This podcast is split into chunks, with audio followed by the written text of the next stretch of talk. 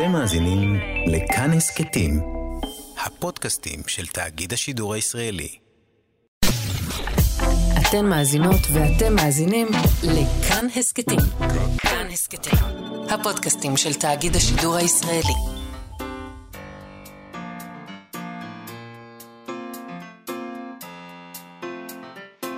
מה שכרוך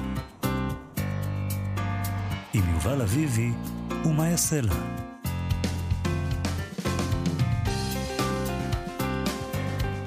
שלום, צהריים טובים, אנחנו מה שכרוך, מגזין הספרות היומי בכאן תרבות, 104.9 ו-105.3 FM.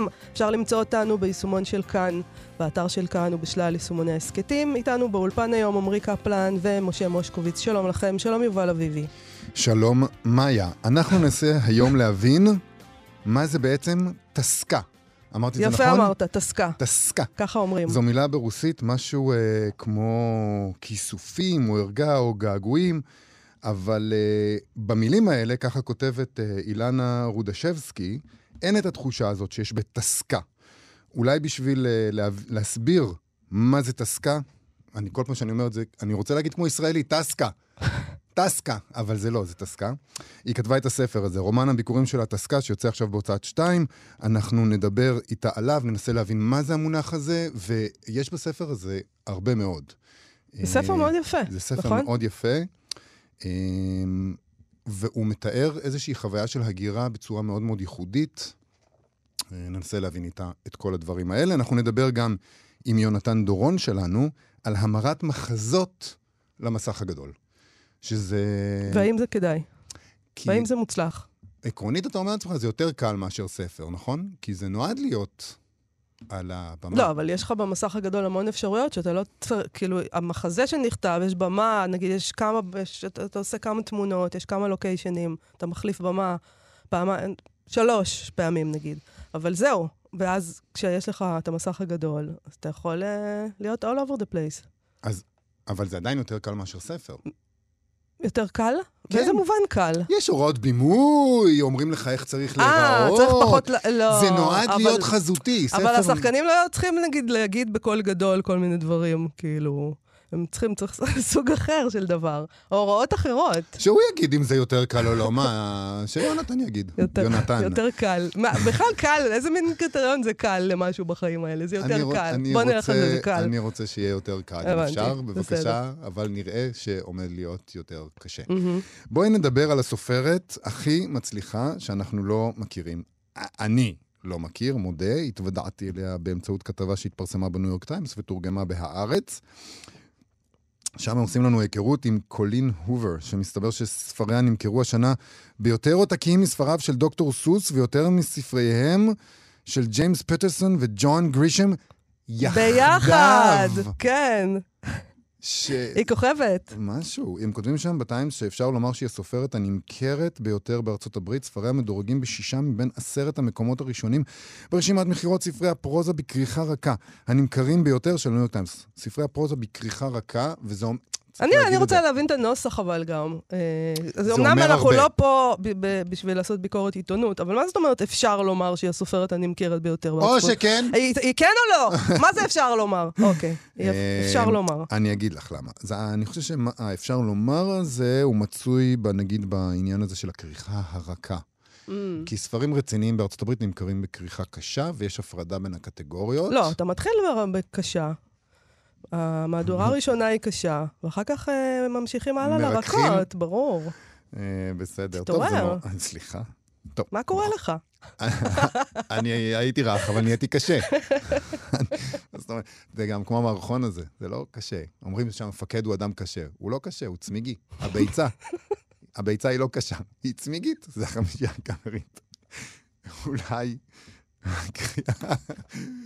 טוב, הכריכה צמיגית. השנה נמכרו אה, יות- אה, כמעט תשעה מיליון עותקים מודפסים של הספרים שלה. יותר מהתנ"ך. יותר מהתנ"ך. מדהים. זה קצת מוזר, אני כל חייבת זה להגיד צריך לך. להגיד, זה מוזר, אבל זה מגובה.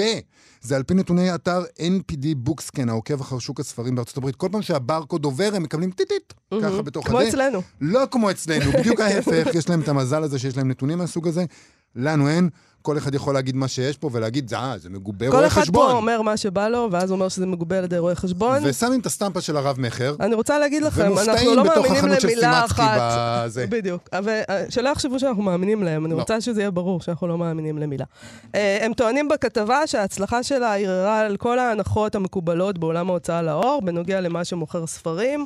אה, קולין הובר הוציאה בינואר 2012 את ספר הנוער הראשון שהיא כתבה, בעברית קוראים לו בקצב הלב, סלאמד, הוא ראה אור בהוצאת כנרת זמור הדביר, יש אותו בעברית, אה, בהוצאה עצמית, אני לא חושבת שפה הוא הצליח ככה. סלמד ובקצב הלב זה לא אותו דבר. לא דומה.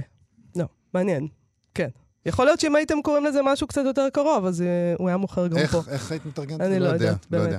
אה, יש בכל אופן, לא. הוצאה עצמית היא הוציאה את זה. היא הרוויחה אז 9 דולר לשעה כעובדת סוציאלית. היא גרה בקרוון לא גדול עם בעלה, שהוא נהג משאית, ושלושת הילדים שלהם.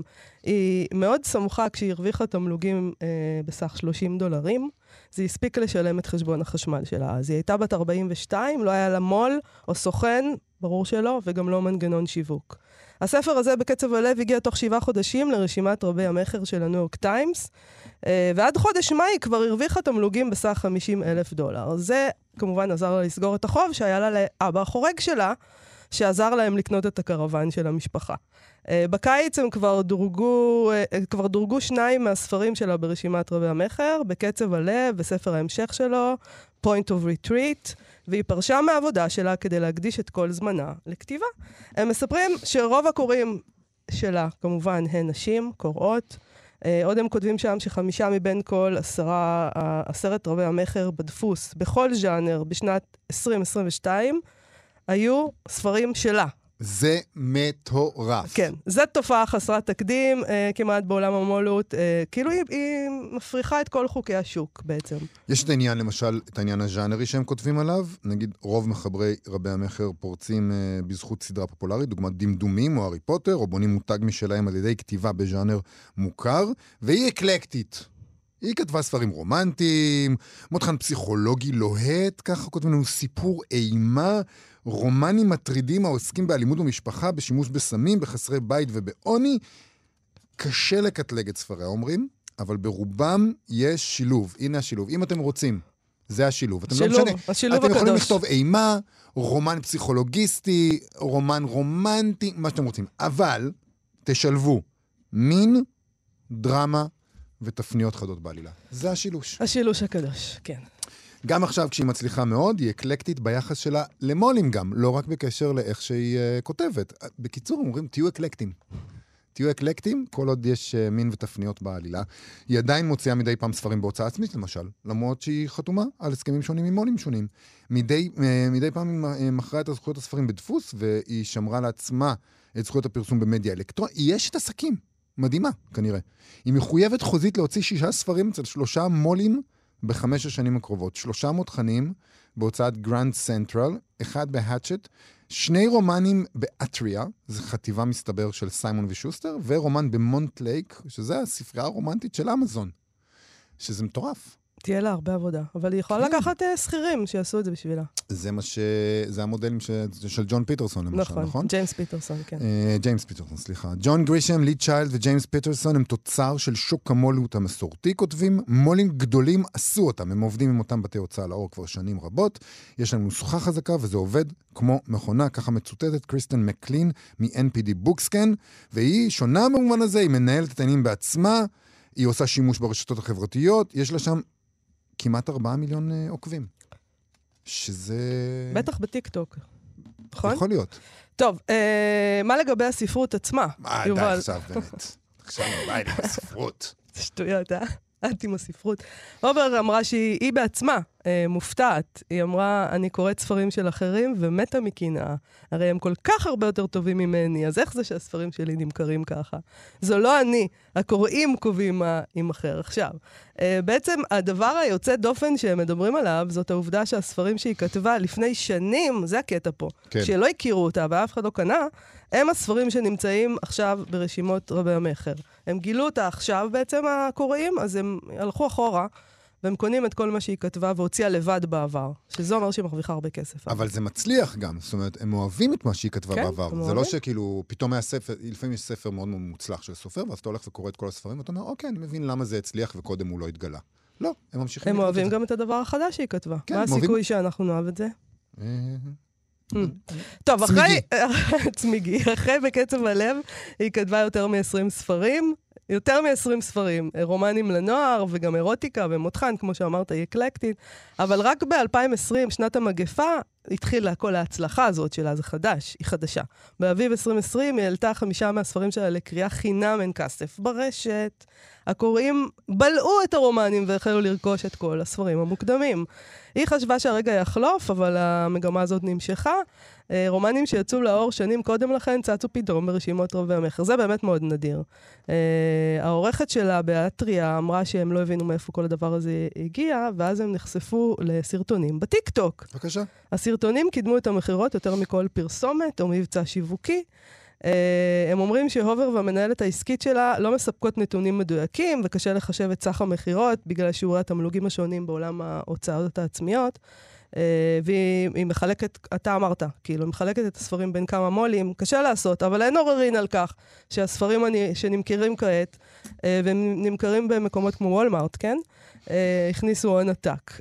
ספריה נמכרו בהוצאות השונות ביותר מ-20 מיליון עותקים. שמעת?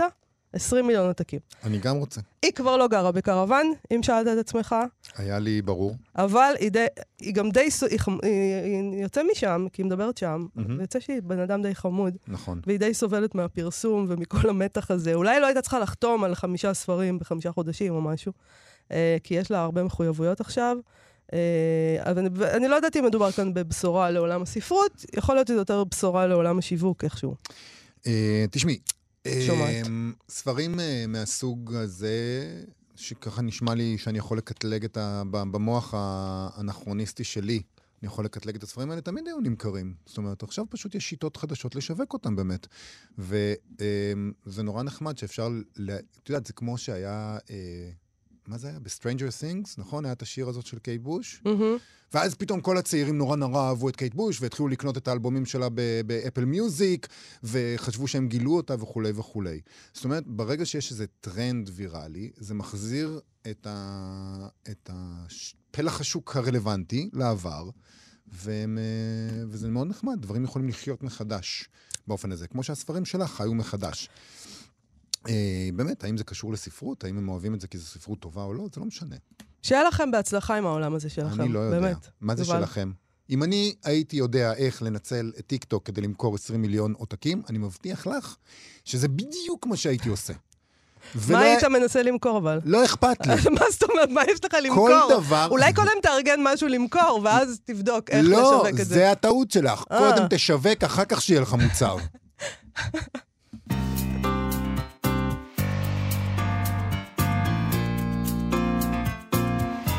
אנחנו, מה שכרוך בכאן תרבות, חזרנו. ציטוט מתוך הספר. מקס הקשיב לצלילי הפתיחה של באופן מילולי, וכמה דקות אחר כך אמר, שמעת? אין מילה שאין בעברית. אני שונא סנובים שאומרים שאין להם מספיק מילים בעברית. תסקה, אלקה אמרה. מקס חשב קצת ואמר בהיסוס, אני חושב שאצל אבן שושן זה כיסופים או כמיהה. ואלקה אמרה, כן, אפשר גם ערגה וגעגועים, אבל אין במילים האלה את ההרגשה של התסכול והמועקה והעצב והחוסר אונים. את יכולה להשתמש גם בעצב, ערגה וגעגועים, מקס אמר. ואלקה חלקה חתיכה מהנקניק, הניחה אותה על פרוסה של לחם שחור, נגסה ואמרה בפה מלא, אני יכולה. אבל המילים האלה הן לא תסקה. תסקה הוא השם של רומן הביקורים של אילנה רודשבסקי, ובו היא מתארת משפחה סופי, מקס, אלקה ואחותה התינוקת, משפחה זאת מהגרת לישראל בשנות ה-70 מברית המועצות. מה גורם להם לעקור את עצמם מכל מה שהם מכירים ולאבד חלק מהמילים, ומה הכוונה האמיתית לנו, שאנחנו לא מבינים את הדבר הזה, במילה הזאת, תסקה. אילנה רודשבסקי היא אדריכלית, היא מתכננת אורבנית, היא מרצה בבצלאל. בשנת 2019 היא זכתה במקום השני בתחרות הסיפור הקצר של הארץ, ובשנת 2017 היא זכתה בתחרות הסיפור, הסיפור הקצר של מקור ראשון. שלום, אילנה רודשבסקי. שלום. אז אנחנו לא יודעים uh, רוסית, ויותר גרוע מזה שאנחנו לא יודעים רוסית, גם אין לנו את המטען התרבותי הזה שמאפשר לנו להבין מה משתייך עמוק עמוק אה, למילים האלה. אה, אנחנו לא מבינים בדיוק מה זה טסקה. אה, יש טעם בכלל לנסות לבקש שתסבירי לנו בכל זאת, אם זה לא געגועים וערגה וכיסופים? האמת שגם הרוסית שלי לא כל כך מוצלחת. היא הפסיקה להתפתח בשלב די מוקדם, בגיל 6, כשהמשפחה שלי עלתה לארץ. האמת שכל הרעיון הוא לא כל כך להסביר את המילים האלה, או את הפירוש של המילה, כי באמת יש לו את הקסם הזה של, של מילים, של מושגים, של מחשבות שהם נשארו, נתקעו איפשהו בעולם, והם... ועכשיו הם מין עמומות כאלה, הם דברים שזוכרים אותם, לא זוכרים אותם, יכולים להסביר אותם, לא יכולים להסביר אותם. אי אפשר להסביר אותם. את יודעת, זה, זה, מה שאת אומרת מאוד מתחבר לתחושה גם שיש כשקוראים בספר. התחושה היא שיש באמת איזה מין משהו שחסר, ולא לגמרי ברור לך למה. לא תמיד ברור לך למה. משהו אבל שם אה, לא לגמרי אה, כמו שצריך, נכון? אה, הדברים מתנהלים, יש משפחה, היא עושה ככה והיא עושה אחרת, ותמיד יש איזו תחושה שמשהו הוא באוף סייד. זה מעניין מה שאתה אומר. אני חושבת שזו תחושה שחיים איתה, כי מצד אחד, אני חושבת מי שעולה לארץ בגיל מאוד צעיר, או לכאורה כמעט נולד פה, הוא, הוא כאילו כמעט מפה. ומצד שני, יש תמיד עוד איזה עולם מאחורי העולם, והעולם הזה הוא... הוא... של איזו תחושה שאתה אף פעם לא מדויק, שאתה אף פעם לא בטוח שאתה מבין עד הסוף, שאתה לא בטוח שאתה מתנהג כמו שנכון או כמו שצריך, מין משהו שתמיד נשאר כזה לא, לא מקובל, לא, לא ברור. אז אולי לזה אתה מתכוון. זה מעניין שאת אומרת את זה, כי בעצם האנשים האלה שאת מתארת בספר הזה, אה, ההורים שהחליטו לעלות, הם, מדובר כאן בעלייה של שנות ה-70, וזה אנשים שהם לא היו מדברים כמוך, אני חושבת, על העניין הזה, אלה שאני קראתי עליהם פה בספר, הם רוצים להשתלב, הם רוצים להיות ישראלים, אין להם טענות, את יודעת, הם לומדים עברית, הם רוצים ללמוד עברית, זהו, כאילו, הם לא רוצים את הדבר הזה, הם לא רוצים אה, לחשוב את התסקה הזה אצלם. לגמרי, זה משהו... אה... כמעט מוכחש. זאת אומרת, נגיד אה, אצלנו בבית הנטייה הייתה לדבר כמה שפחות רוסית, אם אפשר בכלל לא. אה, לדבר עברית, ללמוד עברית מהר, אנחנו הבנות אה, נלמד וההורים בעקבותינו. אני חושבת שזאת הייתה מגמה שהיא הייתה בהרבה מקומות, זאת אומרת, לא רק בבית שלנו. ההורים שלי הם במידה מסוימת נוכחים בספר, אבל כמובן שגם חוויות אחרות של עולים אחרים. הם, אה, הם באו בזמן נפלא להגיע בו לארץ, הייתה המון עבודה, הכל היה נורא אופטימי, הם אה, יכלו לקבל הרבה דברים מהמדינה, הרבה עזרה מהמדינה, והם אף פעם לא, אה, לא באו אליה בטענות, או, או הרגישו שמישהו לא היה בסדר אליהם, זאת אומרת, זה, זה לא היה דיון מעולם. אז איך זה שהדור השני, הדור שלך, הוא בא עם הטענות בעצם? באמת, כי יש שם איזה רגע, רג, את ממש מתארת את ההבדל בין העליות האלה של שנות ה-70 לשנות ה-90, שכבר נגמר למדינה כסף, והם כבר לא קיבלו כלום, לעומת אלה שבאו בשנות ה-70, אוקיי? אבל את נולדת לאנשים שכן קיבלו. אז מעניין אותי איך, איך זה מתגלגל לדורות הבאים, הדבר הזה שאתה מבין, אתה מבין איזה משהו לא בסדר שהיה. אני לא חושבת שמשהו היה לא בסדר, אני חושבת שאולי משהו בסיטואציה של ההגירה הוא, הוא קשה ואי אפשר אה, להימלט ממנו גם כשהכל לכאורה מושלם וכולם שמחים והציונות אה, אה, באה לכדי מימוש, שזה מה שהם אה, קיוו ורצו שיקרה. אה, זה לא שמשהו לא היה בסדר, כמו שזה משהו שהדור השני, שהוא באמת דור של טענות, תמיד. אה, הוא מרגיש, הוא מרגיש אותו, הוא מרגיש אותו גם אם זה לא נאמר, הוא מרגיש אותו גם אם אה, אה, אין עניין להעלות צער או תחושת פספוס או, או החמצה. אבל בתור ילד אתה מסתכל ואתה בסך הכל רואה מה שאתה רואה. אבל זה, לא, זה, זה גם משהו אחר, זאת אומרת, זה גם באינטראקציות נגיד של אלקה עם, עם בני הגיל שלה, גם כשהיא ילדה וגם אחר כך, שהיא לכאורה מתמודדת איתם. היא עושה את הדברים שהילדים שמסביבה, שהם ישראלים צברים, עושים. אבל תמיד נראה כאילו לא לגמרי מחוברת לסיטואציה, לא לגמרי מבינה את ה, באמת את, ה, את המטענים התרבותיים שמובילים להתנהגות כזאת או אחרת. זה נכון, וזה באמת שני דברים שמתקיימים במקביל. אני חושבת מאוד קשה להסביר אותם, כי אה, אני חושבת הרבה, הרבה עולים מרוסיה שראיתי, גם של שנות ה-70, שנות ה-90, אני בטוחה שגם עולים אחרים. יש איזה מין אה, מחמאה כזאת שנותנים, אה, שלא רואים עליך, או אתה נראה כאילו אתה מכאן, אבל האמת שזאת לא מחמאה כל כך מוצלחת, כי זה בסך הכל איזשהו תרגיל בהסוואה ושל, אה, ובהסתגלות. אה, והכל קיים שם, גם, גם ההסתגלות שם וגם המטען האחר שם. זה קצת כמו אה, לראות סרט ולהפסיד את ההתחלה. אתה תסתדר, אתה תבין על מה הסרט, אבל אה, הפסדת את ההתחלה. אה, יש גם את העניין הזה של האדריכלות. בספר אה, משולבים אה, קטעים של, אה, של התאמה, איך מודדים את החפצים ואיך הם מתאימים לתוך המרחב, שזה כמובן, איך מודד... לא כמובן אולי, זה איך מודדים אותנו ואיך אנחנו מתאימים בעצמנו למרחב. ואת עצמך אדריכלית. איך זה משתלב ביחד מבחינתך? כן, ומה פתאום את כותבת? כן, גם אני שואלת את עצמי, אבל... אה, א', אני חושבת שהיום זה גם זמן כזה שהדברים מקובעים קצת פחות. זאת אומרת, זה שלמדת להיות אדריכל, זה שאתה אדריכל וזה שאתה מאוד אוהב להיות אדריכל, זה לא בהכרח אומר שזה כל מה שאתה עושה, אנחנו עושים גם דברים אחרים, אה, שהם פשוט אה, עומדים ודופקים בדלת ומבקשים להיכנס, זה פשוט ככה, אין לי הסבר יותר הגיוני מזה.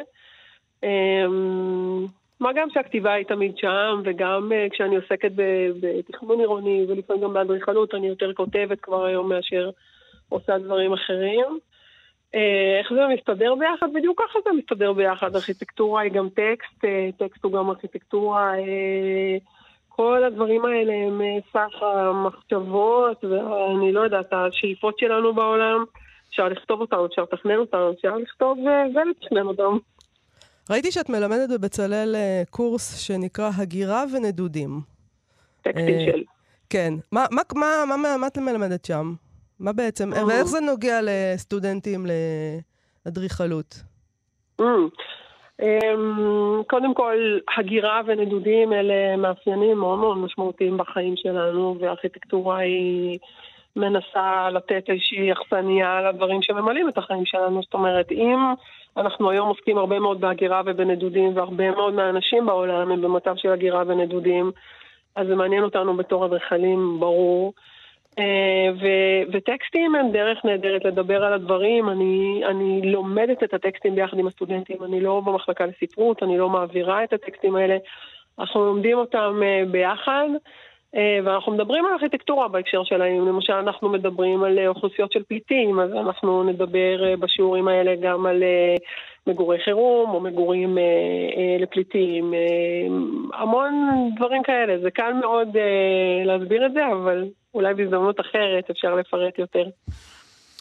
אילנה רודשבסקי, טסקה, ספר שיצא עכשיו בהוצאת שתיים, ספר יפה מאוד ומורכב ומסתורי. תודה רבה לך על השיחה הזאת. תודה לך, להתראות. תודה לכם. להתראות. עכשיו עובר מסך. מה שכרוך בכאן תרבות, חזרנו איתנו יונתן דורון שלנו בפינתו עובר מסך. שלום יונתן. שלום לכם. אז אנחנו מדברים היום על יש שלום מר הפמן והאפשרות להעתיק מחזה לקולנוע. להעתיק, זה מילה כל כך... להעתיק, להעתיק. כך להעתיק. אתה לעבד. מוכן? לעבד, אה, אוקיי. יאללה, לעבד. כן, יונתן. אז אה, סרט צרפתי מבוסס על אה, מחזה צרפתי והוא מוצלח מאוד. הוא אה, מוצלח מאוד כי הוא מעניין, הוא כתוב טוב, מבוים טוב, מה עוד אפשר לבקש? אה, דניאל אוטי מגלם אה, צורף ב-1941-2 בצרפת, שמבריח את משפחתו, אשתו והילדים אה, מחוץ לפריז כדי שלא יהיו בסכנה עם החוקים חדשים שמשיתים עליהם הנאצים, והוא מוכר את החנות שלו לעוזר שלו הנוצרי, כדי שכשהוא יחזור אחרי המלחמה, התוכניות הן שהוא יחזיר אותו, את החנות לידיו.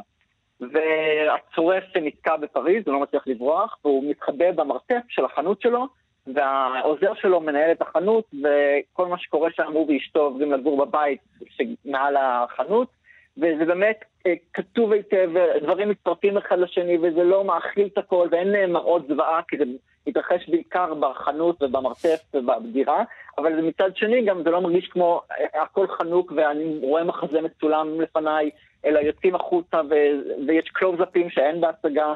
אז מהבחינה, באמת מכל הבחינות האלה זה סרט שכדאי לראות, והשורשים המחזאיים שלו הם לא בעוכריו. כי זה באמת אחת הסכנות ב- כשעושים עיבוד כזה, אה, שזה יהפוך להיות מחזה מצולם. שזה דבר נכון, די הרבה פעמים. אה, מחזות זה עם מעט שחקנים, לא כולם, אבל רובם הם מעט שחקנים יחסית, ואין הרבה לוקיישנים, אין, אין הרבה תפאורות או אתרים, זה מתרחש בחדר, בבית, קצת בחצר, קצת במטבח, ו, ועוד קצת. הם לא, הם לא יכולים אה, לעלות עכשיו להרים ומתחת למים ולהראות עולמות שונים, רק ברמזים ודברים קטנים. אז יש אתגר בלעבד. באמת, אה, אתה שאלת, דיברתם קודם אם קל לעבד מחזה. כן. אז היתרון של מחזה זה שהוא כולו דיאלוגים. רוב, רוב מה שכתוב במחזה זה מה אומרים אחד לשני, וזה מאוד נוח שאפשר להישען עליו. מצד שני, אם יש רק דיאלוגים, אם הם רק יושבים בחדר ומדברים, אז בהצגה זה יכול לעבוד בסרט, בדרך כלל זה לא עובד. זה צריך משהו נוסף, צריך מה שנקרא לפתוח את המחזה, שמצוצות החוצה, לחתוך את הקטעים הארוכים ליותר קצרים, לא צריך מערכה אחת של חצי שעה. אפשר לעשות את זה עשרה, אה, עשרה קטעים של שלוש דקות בכל מיני מקומות, אם, ה, אם זה מאפשר. אז באמת אפשר יש- לחשוב גם אבל ש... אתה יודע, סליחה שאני תמיד אה, מוריד את זה למקומות הבזויים של כסף, אבל אה, זה יותר אה, זול הפקתית לעשות אה, סרט שמבוסס על שלושה לוקיישנים ברורים, עם מעט שחקנים, וכדאי מאוד לש... לשמור על הפורמט הזה, כי זה יעיל הפקתית נקרא לזה. אז יש את לילה טוב אימא, שהוא מחזה נהדר על אימא ובת, שמדברות במשך בערך שעתיים, זאת אומרת, זמן של ההצגה זה זמן באמת, וזה עובד גם כסרט, אם אין בהם ספייסק זה עובד. יש שם את המתח, יש שם עליות וירידות וגילויים, והן מסתובבות בבית, והרבה רגש, זה עובד. אבל זה לא יכול תמיד לעבוד, ויכול להיות גם בחדר אחד, 12 מושבעים, אחד הסרטים הכי טובים שנעשו, 12 גברים יושבים סביב שולחן ומדברים. במשך שעה וחצי. זה עובד, אבל זה לא תמיד עובד. ולפעמים אתה אומר, צריך עוד משהו, צריך להוסיף. וגם אם זה עובד, זה, זה, עדיין זה מרגיש חנוק. אבל uh, יש גם uh, סיפור נורא מעניין על בחורים טובים, הסרט של רוב ריינר עם תום קרוז וג'ק ניקולסון, זה היה המחזה והסרט הראשון של אירון סורקין, ובעקבות העבודה עם רוב ריינר הוא שינה את המחזה. הוא גילה שהוא, שיש דברים יותר טובים בסרט, ועכשיו כל ההצגות שעלו בעקבות, אחרי הסרט, הם אה, עם המחזה שהוא שכתב. שנייה רגע, אה, אירון סורקין התחיל בתור המחזה. מחזאי? הוא ניסה, הוא ניסה, הוא התחיל גם, הוא כתב, זה אחד המח- הבחורים טובים זה המחזה הראשון שלו. מדהים, לא ידעתי שהוא, את זה. שהוא כתב עוד קצת, אבל לא, לא הרבה, כי הוא פשוט אה, נסחף, אה, רוב ריינר גם אה, ביים את הסצנות הבא שלו, את הנשיא מאוהב, שזה גם היה מין קדימון לבית הלבן, הסדרה שלו. אז אה, באמת, העבודה עם רוב ריינר שינתה אותו גם כ... הפכה אותו לתסריטאי מצליח, וגם אה, שינתה את המחזה שהוא אה, התפרסם בו. אבל אה, סליחה שאני מתמקד פתאום בבחורים טובים. אין בעיה, פעם שנייה שאתה מתנצל בשיחה הזאת, אני רוצה שתשים לב. אנחנו אוהבים שהוא מתנצל. אה, כן, בסדר, אני מתנצל. לא אכפת לי להתנצל, זה זה כמו מטבעות של עשר אגורות בשבילי, קחו. אה, הוא לא. מתנצל על שום דבר, כן. אבל יש שם המון לוקיישנים, בסרט לפחות. זאת אומרת, יש שם הרבה מאוד... החבר'ה הטובים? כן, בסרט. בחורים טובים. בחורים טובים. אז. אז זה באמת מה, מה ש... נכון, יש שם לוקיישנים בסירה הם עושים, וב... אז יכול להיות אה, שה- שהשיחה במ- במקור במחזה שלא ראיתי, הייתה בעוד משרד יבש. אבל רוב ריין אמר, לא, אנחנו עושים פה סרט. אפשר אותה שיחה בדיוק, רק שתהיה על סירה. ובמקום שהם ידברו, ישבו בחדר וידונו, הם יכולים ללכת, מה, לעשות, אה, ללכת לארוחת צהריים ולראות אותם הולכים ומדברים. מהמם. אז באמת, אה, מה שזה מה שנקרא לפתוח את המחזה. לא לשנות אותו, לא לשמיים וארץ, אבל למשל, האגם המוזהב, אני משער שבמחזה לא היה אגם, רק רמזו עליו. אז אה, בסרט אפשר לראות אותם נכנסים לאגם, איזה. סרט יפה זה היה. מקסים, Mm. מקסים, מקסים. כן. נהדר. נכון. ושם גם, במקור זה בבית שלהם, ועל המרפסת זה קצת בחצר, הם לא, אין שם אגם. נכון. והנהג של מיס דייזי, סך הכל הוא איש מחזיק הגה שלא לא מחובר לכלום, ומזיז אותו ככה עם מישהי שיושבת מאחוריו. אז יש, יש יתרונות בלוסי, ויש גם אה, לפעמים בהשגה, הרמזים ומה שאי אפשר להראות, הם, יש בהם קסם רב, וזה לא תמיד טוב להראות את הכל, והרמזים לפעמים חזקים מהם ממה שרואים ושומעים. אז אה, באמת יש אה, יתרון במחזה, ויש חסרונות, כמו בכל דבר.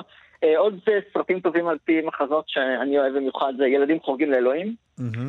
אה, ספק, שזה גם שלושה שחקנים, פיליפ סימור הופמן, מרל סטריט ואימי אדמס, ובמקור אין ילדים. זאת אומרת, בהצגה לא היו דמויות של ילדים, רק שלושתם מדברים. אז בסרט הוסיפו את ההוואי של הבית ספר ואיפה שזה מתרחש. מקום ההתרחשות מקבל יותר מקום בסרט שאפשר להראות, ואפילו בלי שאנשים ידברו, בלי להוסיף תפקידים, אלא רק להראות את הרקע.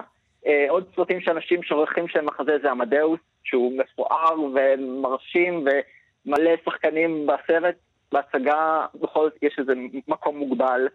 אה, אוגוסט מחוז אוסטייג' שהוא גם סרט נהדר וגם הצגה שראיתי ואהבתי מאוד.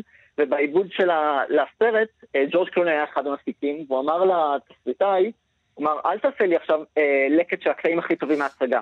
זה סרט בפני עצמו, הוא צריך להיות שעתיים, לא שלוש שעות כמו ההצגה, ותן לי סיפור הגיוני עם כל הדמויות, ולא את המשפטים הכי מוצלחים מההצגה, שאנשים יגידו, אוי, זה יופי, איזה יופי, אנחנו צריכים לעבור מסע משלו, זה לא, אי אפשר להעביר אחד על אחד. הוא לא רק וזה... בחור יפה, אה? הוא לא, לא, הוא, יש לו עוד כמה איכויות. ו- ולא דיברנו על שייקספיר, כל העיבודים, אה, אתה יודע, כל השייקספיר שאי פעם אה, עשו... ששם יש, אה, במחזות של שייקספיר יש אך ורק דיאלוגים, אין לו כמעט הוראות בימוי, אין לו תיאורים של איך ייראה הארמון או התלבושת, אצלו יש רק דיאלוגים, ולכן צריך להוסיף המון לעיבוד. אה, ואפילו אה, כנס בראנה עושה, דיברנו על ההמלט שלו שהוא ארבע שעות פחות שתי דקות, והוא לא השמיט מילה ולא הוסיף מילה. והוא בכל זאת היה עומד לאוסקר לתסריט מעובד. כי אמנם הוא לא הוסיף מילה, אבל היה צריך להוסיף המון לתיאורים, להתרחשויות, לאיפה זה מתרחש, זה לא רק ארמון חדר במה. נכון, אבל ארבע שעות, בחייאת. מה יש לך? מה ארבע שעות לנו. עכשיו? תניח לנו, באמת. כמו ספר של שלושת אלפים עמודים. בן אדם, אין... באיזה חוצפה אתה נותן לעצמך? ארבע שעות! לנו את הזמן. אתה תלך לקולנוע ותשב שם ארבע שעות. אני אלך לקולנוע, מאיה. אוקיי. כמה זמן אנחנו מכירים? rest my case. אה, אני רוצה אבל, סליחה, אה, לתהות על הזווית הישראלית. אנחנו לא כל כך עושים את זה, נכון? או שאני טועה פשוט? אתה צודק מאוד, וחשבתי על זה לקראת הפינה, שלא רק שבקושי מאבדים ספרים ישראלים, גם מחזות אה, אנחנו לא רואים על הבמה, שמועברים מהבמה לספורטים ישראלים. ואני חושב שזה קודם כל דבר שלא ניסו לעשות חנוך לוין כסרט כלשהו, אפילו לא לקחת מחזה אחד שלו, לקחת שניים או שלושה ולהפוך אותם לעולמו של חנוך לוין בסרט. אוי, זה רעיון יפה. אני, אמ, אני כבר מלהק בראש שלי. אתה מלהק. ברור. נלך על זה. מי השיג תקציב היום לעשות חנוך לוין, באמת? מה זאת אומרת? לא, זה, זה כסף לא, על לא הרצפה, לא זה לא מיליונים יצפו בזה. כן. זה יתחרה בארץ נהדרת. מה יש פה בעצם? זאת בעיה. אנחנו עושים כמה פרסומות בטיקטוק והאנשים אה, יבואו. בדיוק, 20 מיליון עותקים. עותקים. יונתן דורון, אני התרגשתי מהאפשרות של למכור, אז יצא לי שני טאפים. יונתן דורון, תודה רבה על הפינה הזאת. הזדמנות עסקית אחר הזדמנות עסקית הפינות האלה מזמנות לנו. אנחנו נאסוף את כולן ונפסיך אותן לפח. להתראות, יונתן. להתראות.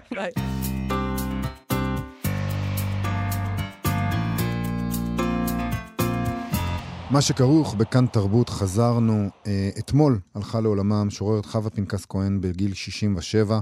הלווייתה תתקיים היום בשעה שתיים בבית העלמין ברחובות. ואנחנו אה, רוצים לקרוא דברים שכתבה עליה פרופסור רחל אליאור.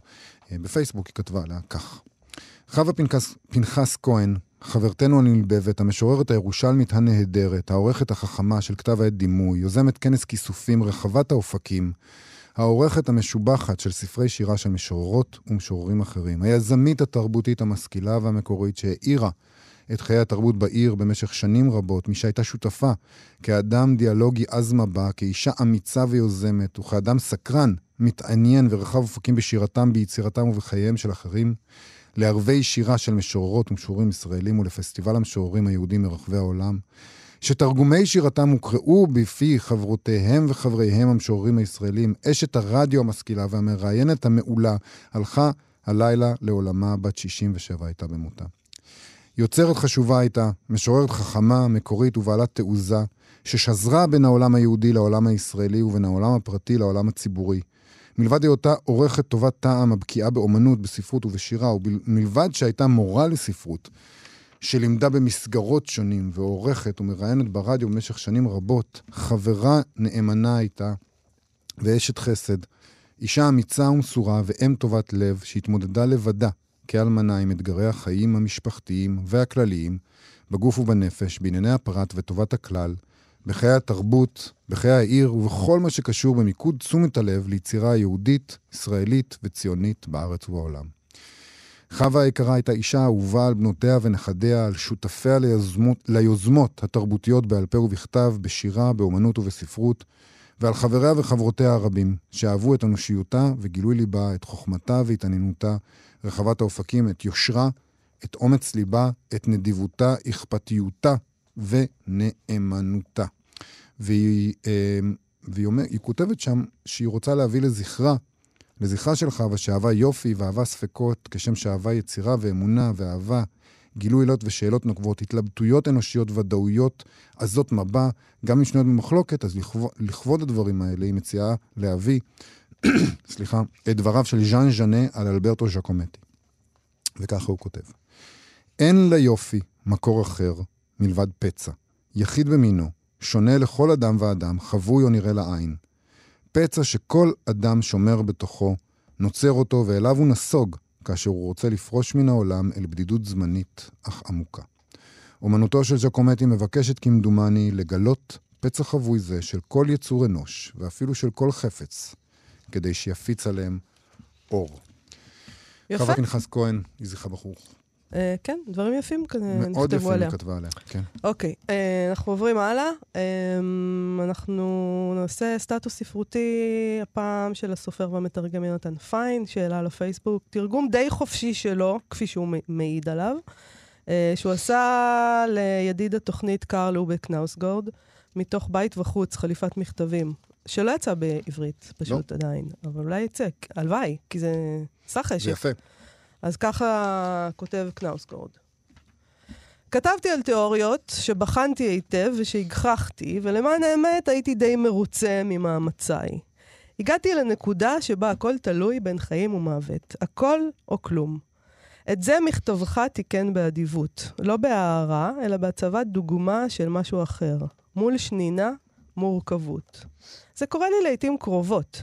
אני כותב משהו שנשמע מספיק טוב, רק כדי להבין, אחרי בין שעה לכמה שנים, שזה אף פעם לא ככה. אף פעם לא עוד דבר אחד או אחר. זו למעשה שאלה של ריחוק, והיא ספרותית באורח עמוק. אני חושב, כתיבה מציבה ריחוק מהדבר שכותבים עליו, וריחוק מוביל לפשטנות. העמדתו בצורת טקסט מעמיקה את הפישוט אף יותר. אם הספרות בעיניך היא ישות אוטונומית, זו לא בעיה, כי אז אין לה אחריות על מה שהיא מייצגת. אם, לעומת זאת, אתה רוצה לכתוב על החיים, פשטנות היא סכנה גדולה, שממנה עליך להישמר ללא הרף. את זה ניתן לעשות בהתקרבנו ככל האפשר אל המקומות שבהם התנועות הרחבות כולן, ההכללות האווריריות כולן, אינן תקפות ואינן חלק מהנוף. עבורי, זו משימתה של הספרות. לא בהכרח דרך ריאליזם ותיאורי מציאות, אלא דרך התעקשות נחושה ובלתי נלאית על וחיפוש אחר פירוק המבנים של המוכר. בחיים דברים נראים אחרת. זה כמעט ההפך. פישוט והכללה הם בגדר הכרח, במסגרת חיונית ליום-יום ולחיים עם הזולת. ובהיעדרם הכל הופך מבלבל וכאוטי, אבל בספרות ההפך הוא הנכון. בספרות, הפרימות האלה הן בדיוק מה שאנחנו מחפשים כקוראים וכ- וככותבים. בספרות, הפירוק הוא החשוב. אני מקווה שאתה מאושר שם, פרדריק. חיה מעט גם למעני. יפה מאוד. אני, אני הכי אוהבת פה את הסוף. את הסוף. אני מקווה שאתה מעט. מאושר שם, פרדריק. לא, זה יותר מצא חן ממני. אה, אתה רוצה- בעיניי, יותר אהבת את. אתה מקווה שאתה אני מאושר שם? מקווה שאתה מאושר שם, אני פרדריק. מאוד מתחבר לחיי מעט גם למעני. לא, אתה אומר לעצמך, יש לך חיים די טובים, קרל אובה. אה, תחיה בעצמך. אולי הוא לא חושב שיש לו חיים טובים. הוא- מה, החיים, מה טוב בחיים שלו? כל הזמן יושב וכותב. הוא מגדל את הילדים שלו, וזה. ממש מלאה אותו. הרי קראנו על נראה לי החיים שלו. מאוד מאוד קשה לעשות את ההפרדה הזאת שהוא עושה בין, אוקיי, בחיים אני אעשה את היוריסטיקות האלה, את הכללי אצבע שעושים הפשטה של הדברים, ואומרים לי, זה קטגוריה א', זה קטגוריה ב', תבחר. ואז בספרות אני אעשה משהו אחר, אני אפרק את זה, אני אמנע מעצמי את, ההכללות האלה ואת הפשטנות הזאת, אני אעשה באמת פירוק של הדברים לפרטי הפרטים. כפי שהוא, אנחנו יודעים, כל מי שקרא אותו, יודעים שזה מה שהוא הרבה פעמים מנסה לעשות. אני חושב שקשה מאוד לעשות את ההפרדה הזאת, וכשאתה מתמכר לפרויקט, נגיד, כמו שהפרויקט שהוא אה, עשה, קשה מאוד אחרי זה להגיד, אוקיי, הנה, אני אצא לחיים שלי והכל יהיה כמו שהתכוונתי קודם. אה, באמת, שתי- אתה חושב שעד כדי ככה חיים אה, קשורים ל- לרגע הזה שבו אדם יושב וכותב? כאילו? אצלו? כן, לא, כי הוא קצת, יכול להיות שהוא קצת אה, אובססיבי? לזה אתה מתכוון? הוא אובססיבי, והוא גם, הוא גם, הוא גם לכאורה, במגבלות אה, השקר וה, וההמצאות, מתעד כל הזמן את החיים שלו. אז, אה, אז הוא לא יכול אחר כך להמשיך, הוא לא, לכאורה, הוא לא יכול אחר כך לצאת ולהגיד, אוקיי, אני פשוט חי את החיים שלי. הוא כבר יודע שהוא עומד לכתוב עליהם. הוא לא יכול לכ- לכתוב על החיים שלו ולחיות אותם מבלי לחשוב על איך הם ייכתבו. אני חייבת להגיד לך שאני לא חושבת שמה שהוא עושה זה שהוא מתעד את החיים שלו, ומבחינתי משהו אה, יוצא מכך, נכון, שאנחנו גם קוראים על החיים שלו, אבל זה לא הפרויקט. אה, זה לא הדבר, ואני חושבת שעל זה הוא מדבר גם בטקסט הזה. מה שהוא מנסה לעשות, זה הוא מנסה. בספרות שלו לפרק את המיתוסים. אה, יש, אה, אפשר לחלק את עולם הסופרים והאנשים בכלל לשניים, אלה שבונים את המיתוס המשפחתי של עצמם, ואלה שמפרקים. יפה, והוא עסוק ברעיון הזה של לפרק את הכל בעצם. אני מסכים. אה, בניגוד לאלה ש... אתה יודע, כי יש גם את העניין הזה של המשפחות שמהללות את הדורות הקודמים, ומה ההורים, והסבתא וזה, ומקימות, מכוננות את המיתוס המשפחתי, והוא שורף הכל. זה אני מה שהוא עושה. מאוד מאוד מסכים איתך שהוא לא, שהפרויקט שלו הוא לא לכתוב על החיים שלו, וצריך, כמו שהוא כותב, צריך למצוא את מה יש מתחת לזה, אחרי שאתה פורם את הדברים האלה. בכל מקרה, שמישהו אה, יתרגם את כל הספר. אנא מכם, תרגמו. יש הרבה אה, דברים זה לא דרך אגב. שמישהו, זה- יש רק אחת שאנחנו רוצים שתעשה את זה, קוראים לה השאלה היא- דנה כספי. השאלה היא באיזה שפה זה נכתב. אולי נגיד אם הוא כותב מכתבים, אז אה, הוא כותב אותם גם באנגלית. Mm. אני לא יודע. האמת אוקיי. היא שאני באמת לא יודע. אבל יש לו המון דברים שהוא כתב בשוודית. סליחה, נורבגית. נורבגית. אה, גם דנה כספי. בזמנו כשראיינו אותה פה, אה, לא עשה רושם לא. שהיא מאוד מאוד מעוניינת לחזור לא. אה, לקנאוסגורט. ממש לא נראה, וחבל, כי יש לו המון המון טקסטים שמאוד מעניינים אותי. עכשיו יש את ארבע עונות השנה שלו, וכל מיני פרויקטים שהוא עשה שנראה לי מעניין מאוד לקרוא. יש תרגום של זה לאנגלית, אז גם אם אתה לא יודע נורבגית, אתה יכול. אנחנו פונים אל הלב שלך, דנה כספי. באמת. אנא ממך. אולי צריכה תקופת צינון. ואגב, תקופת צינון, כן? מחר, אה, מחר, יום לפני הבחירות, אנחנו נשדר תוכנית מיוחדת של מה שכרוך. לקראת הבחירות אנחנו נדבר על בחירות ועל פוליטיקה.